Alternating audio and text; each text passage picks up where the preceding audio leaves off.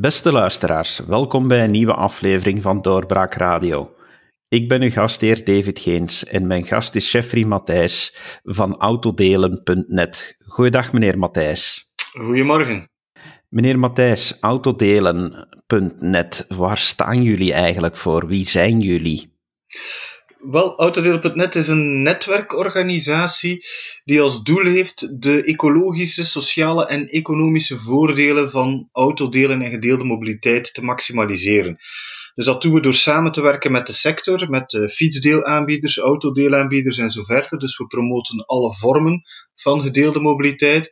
We gaan ook aan beleidsbeïnvloeding doen, we gaan communicatiecampagnes doen. Kortom, uh, we doen alles om de Vlaming, de Belg, de mens te overtuigen om af te zien van de eerste of de tweede privéauto ten voordele van gedeelde mobiliteit. En hoe werkt dat nu eigenlijk? Van als ik zo'n auto wil gebruiken, uh, bij wie kan ik aankloppen en wat zijn de algemene principes? Wel, de algemene principes zijn heel simpel. Uh, als je een voertuig nodig hebt, dan ga je het reserveren en ga je het gebruiken. Ben je klaar dan laat je het voertuig gewoon staan en dan kan iemand anders hem gebruiken. Dus dat is het principe van delen. En om lid te worden van een autodeel- of fietsdeelaanbieder, ja, daarvoor zijn er verschillende mogelijkheden. En je vindt op onze website autodelen.net een overzicht van alle aanbieders. Maar door de band genomen, als het over autodelen gaat, ja, moet je je registreren, moet je je identiteit gaan uh, bewijzen, moet je een rijbewijs doorsturen en in principe kan je dan starten. Soms moet je een waarborg betalen, soms niet. En dan ga je eigenlijk gaan gebruiken en je betaalt op basis van uw gebruik. Als we kijken naar de financiële zaken die er komen bij kijken, is autodelen dan stevast goedkoper dan het hebben van een eigen wagen? Niet stevast. Eh, in de meeste gevallen is autodelen goedkoper, maar dat hangt een beetje af van de mate waarin dat jij of iemand een auto gebruikt. We schatten zo dat als je minder dan 10 à 12.000 kilometer per jaar doet, dan is autodelen altijd goedkoper. Als je meer dan 12.000 kilometer gaat doen, dan wordt het kantje boordje. En dan ja, is het misschien wel beter dat je een eerste wagen zelf aankoopt. Dat heeft allemaal te maken met de vaste kosten die dan gedeeld worden over meer aantal kilometers. Je hoort vaak zeggen dat zoiets als autodelen eigenlijk meer bestemd is voor mensen die in de stad wonen. Klopt dat? À la limite klopt dat op dit moment. Eh, de meeste autodelers en autodeelaanbieders situeren zich in stedelijke context. Nu, in Vlaanderen is dat heel relatief. Als je bekijkt wat dat onze grootste stad Antwerpen is, 500 en een beetje duizend inwoners. Dat is een kleine stad op, in vergelijking op wereld- en, eh, en Europees niveau. Bovendien zien we ook dat er meer en meer autodeelaanbieders en autodelers in minder verstedelijkte gebieden uh, gaan komen. En de lokale overheid heeft daar een belangrijke rol in in Vlaanderen, omdat zij ook steeds meer gaan promoten en steeds meer gaan proberen om autodeelaanbieders naar hun eigen gemeente te gaan halen. Dus op die manier denk ik, uh, of nee, ik denk het niet, ik weet het zeker. Uh, er zijn al in meer dan 200 Vlaamse gemeenten is er al minstens één deelwagen. Dus dat stedelijk fenomeen dat begint ook minder en minder doorslaggevend te zijn. Zit autodelen in de lift? Groeit dat enorm? Ja, absoluut. Je kan ervan uitgaan dat de autodelen de voorbije jaren telkens 20 tot 30 procent gegroeid heeft, zowel naar het aantal deelwagens als naar het aantal gebruikers. Dus dat betekent dat het echt wel in de lift zit. Hebben jullie recent uh, problemen ondervonden naar aanleiding van de coronacrisis? Heeft dat geleid tot meer of minder autodelen? Wel, de voorbije twee, drie maanden, dus tijdens de coronacrisis, dat was eigenlijk een nefaste periode voor autodelen en, en gedeelde mobiliteit. We hebben onderzoek gedaan bij de autodeelaanbieders en bleek dat het gebruik van hun diensten gedaald was met 80 tot 90 procent. Dus er was nauwelijks nog gebruik. Uh, de omzet die ze genereerden was zelfs niet meer genoeg om gewoon de vaste kosten te kunnen betalen van hun, van hun wagens. Dus uh, dat is een probleem. Alleen zien we nu de, de laatste weken, we zijn nu uh, eh, 10 juni ongeveer, de, de versoepelingen zijn aan het komen en we zien dat er toch weer een soort revival is. En we denken dat deze trend zich gaat verder zetten. Zeker als we kijken naar onze noorderburen in Nederland, lopen ze twee, drie weken voor op hetgeen dat wij aan het doen zijn. En daar zie je dat er op dit moment eigenlijk meer aan autodelen gedaan wordt dan voor de coronacrisis. En de verklaring daarvoor is dat mensen in feite autodelen gaan gebruiken als vervanging voor openbaar vervoer. Je kan daar veel over zeggen, uiteraard, maar uh, dat is nu eenmaal het gegeven. Mensen uh, hebben wat schrik om op het openbaar vervoer te zitten. Bovendien is er ook een capaciteitsverlies voor het openbaar vervoer, omwille van de social distancing. En autodelen blijkt daar een goed alternatief. Dus we gaan ervan uit dat in Vlaanderen een beetje dezelfde trend zal, zich zal doorzetten. Meneer Matthijs, worden er speciale maatregelen genomen wat betreft hygiëne voor autodelen? Want autodelen wil zeggen dat er voor u ook wel iemand anders in de auto heeft gezeten. Ja, dus uh, eerst en vooral wil ik daarop zeggen dat uh, autodelen op zich minder gevaarlijk is dan naar de supermarkt gaan omdat in de supermarkt uh, ga je echt wel um, ja, met veel meer mensen in contact komen. Vaak is de social distancing daar, uh, daar wat moeilijker. Dus als je aan autodelen doet en je houdt je aan de normale voorzorgsmaatregelen, zoals niet aan je gezicht prutsen, um, um, de, de, de ruiten een beetje openzetten als je vertrekt met rijden en zo verder, dan is dat perfect veilig. Wat dat we wel zien is dat sommige autodeelaanbieders bijvoorbeeld uh, ontsmettende gels in de wagens zetten, waardoor dat mensen ook uh, even de handen kunnen wassen voordat ze vertrekken, het stuur even kunnen proper maken en zo verder. Daarnaast zien we dat er ook wel iets meer gepoetst wordt. Uh, de frequentie is iets hoger als het gaat over het poetsen vandaag. U zei ook dat de sector geleden heeft onder de crisis. Zijn er specifieke steunmaatregelen genomen voor jullie sector door de overheid? Wel, dat weten we nog niet. Wij hebben een uh, tien-puntenplan opgesteld. De relance van de gedeelde mobiliteit hebben we dat genoemd. En we hebben er ook voor onderhandeld met het kabinet en met uh, de administratie op Vlaams niveau. We weten sinds vorige week dat er een bepaald budget is vrijgemaakt, ook voor de deelsector.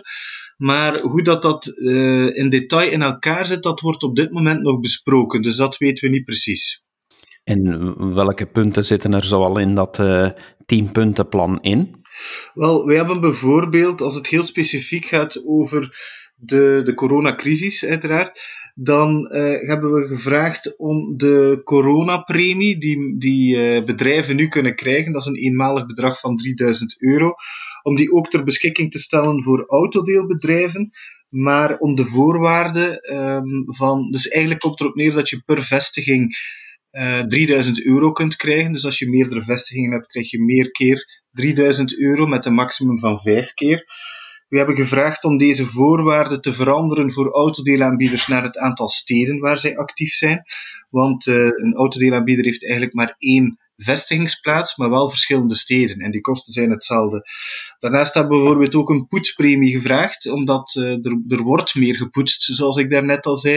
Er moeten meer producten aangekocht worden, dat betekent meer vaste kosten. Dus ook daar kan er een compensatie voor komen.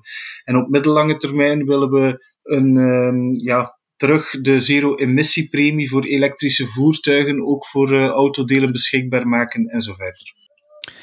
Denkt u dat nu na de crisis autodelen, eh, u noemde al, eh, of ja, dat na de crisis autodelen meer in de lift zal zitten? Want u noemde al het voorbeeld van in Nederland, waar eh, door het vermijden van het openbaar vervoer er nu misschien tijdelijk een stijging is, maar Denkt u dat na de crisis er structureel iets zal veranderen, waardoor dat autodelen meer in, de, meer in het gebruik zal zitten?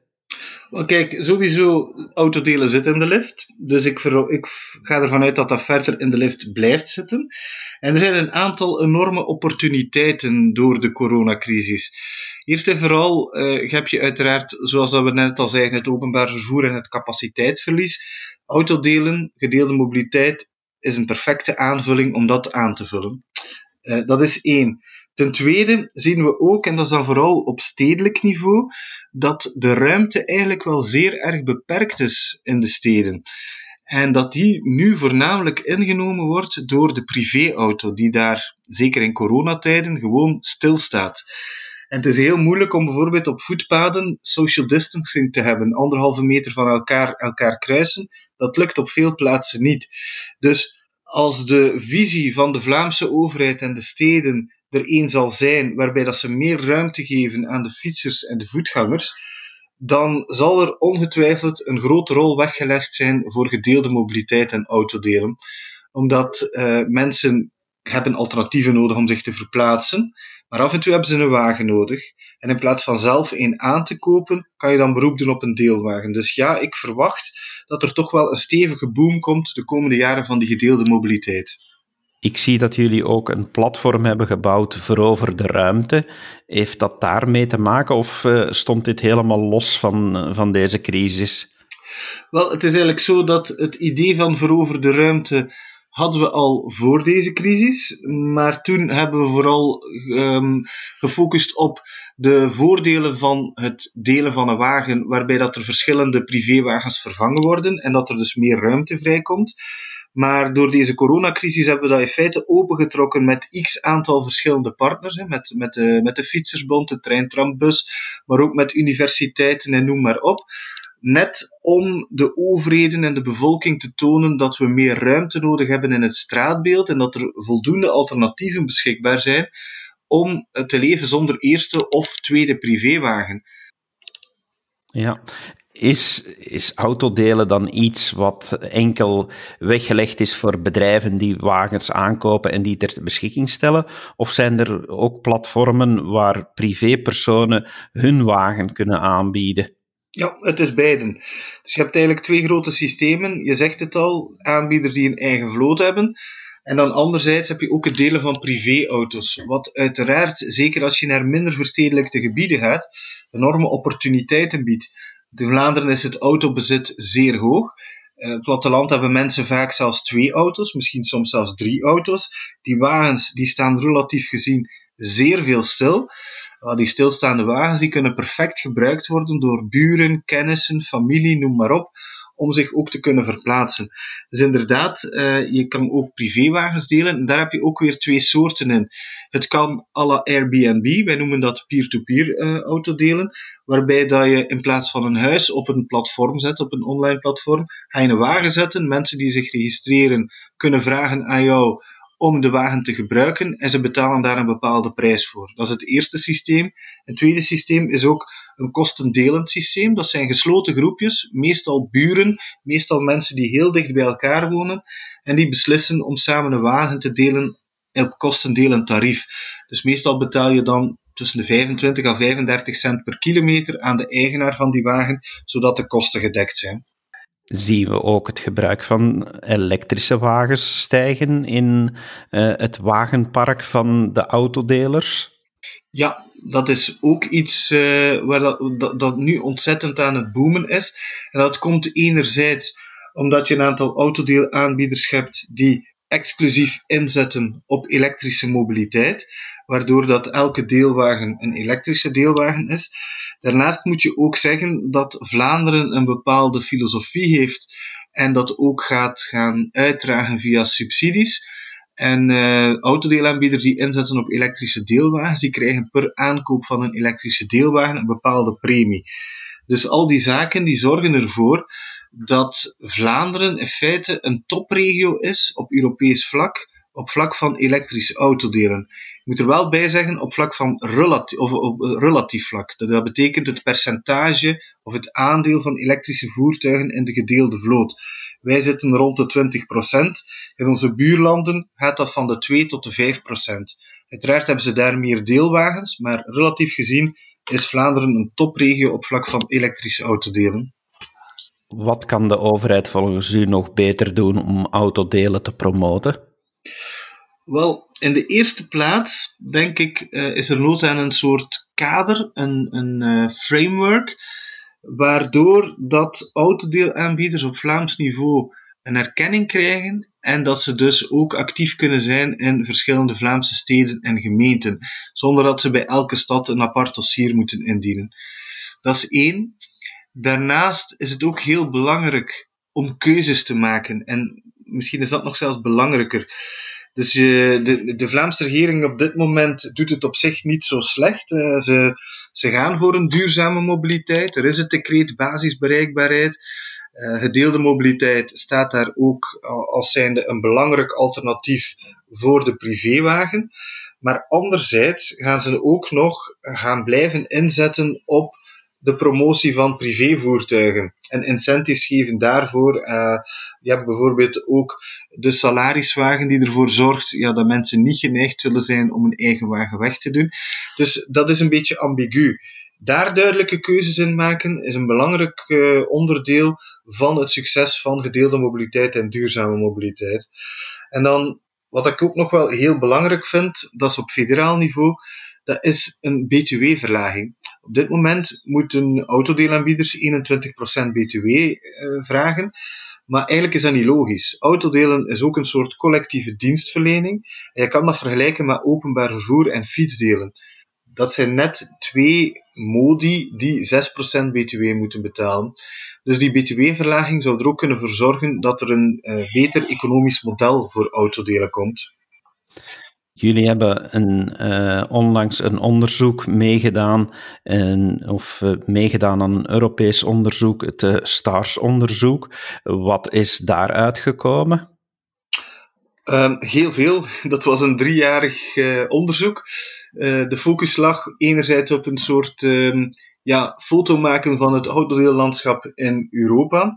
En anderzijds op zoek gaan naar nieuwe businessmodellen voor autodelen in de toekomst gekoppeld aan de profielen van, van, uh, van autodelers. Dus um, wat, wat het belangrijkste, of een van de belangrijkste dingen die we daaruit gehaald hebben, is dat er een soort uh, 10 punten policy recommendations plan is gemaakt op Europees niveau. Dat, uh, als dat gevolgd wordt, een verdere doorbraak van autodelen kan betekenen in Europa.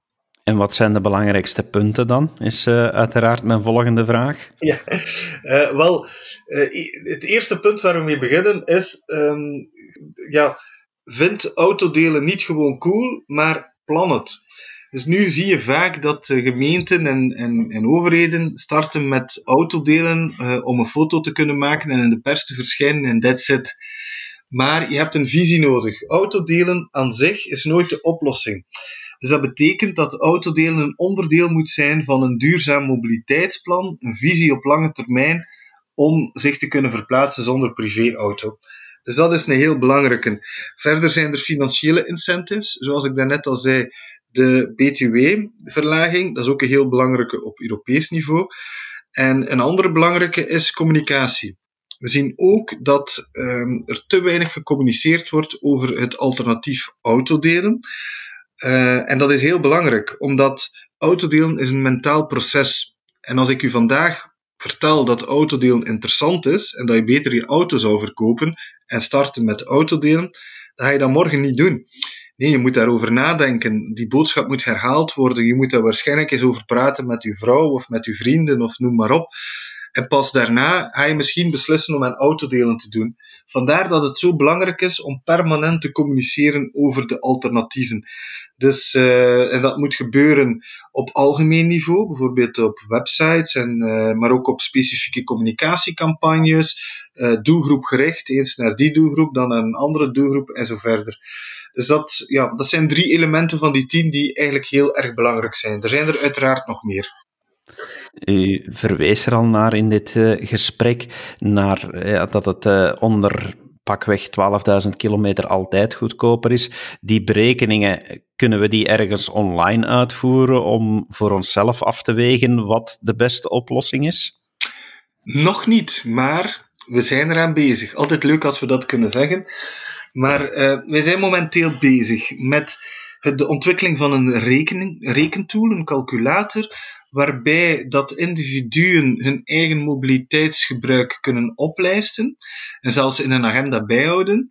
Uh, en dan uh, de ritten kunnen dan ook bekeken worden op vlak van autodelen. En dat zullen geen gemiddeldes zijn. Je gaat kunnen zien hoeveel een bepaalde rit kost bij Cambio, bij Degage, bij Partage, noem maar op. Dus je gaat echt een mooi overzicht krijgen van welk autodeelsysteem past nu eigenlijk het best bij mijn mobiliteitsprofiel. Dat zal gelanceerd worden in september, oktober. Dus op dit moment nog niet, maar het komt eraan. Dan hebben we een mooie primeur te pakken voor deze podcast. Meneer Matthijs, dank u wel voor uh, uw deskundige uitleg. Uh, onze luisteraars zullen heel wat bijgeleerd hebben over autodelen. Het is graag gedaan. En u, beste luisteraar, uiteraard heten we u van harte welkom bij onze andere podcasts en graag tot een volgende keer. Dag. Dit was een episode van Doorbraak Radio, de podcast van doorbraak.be. Volg onze podcast op doorbraak.be/slash radio of via Apple Podcasts, Overcast of Spotify. Bezoek ook onze website op doorbraak.be en steun ons door een vriend te worden van Doorbraak.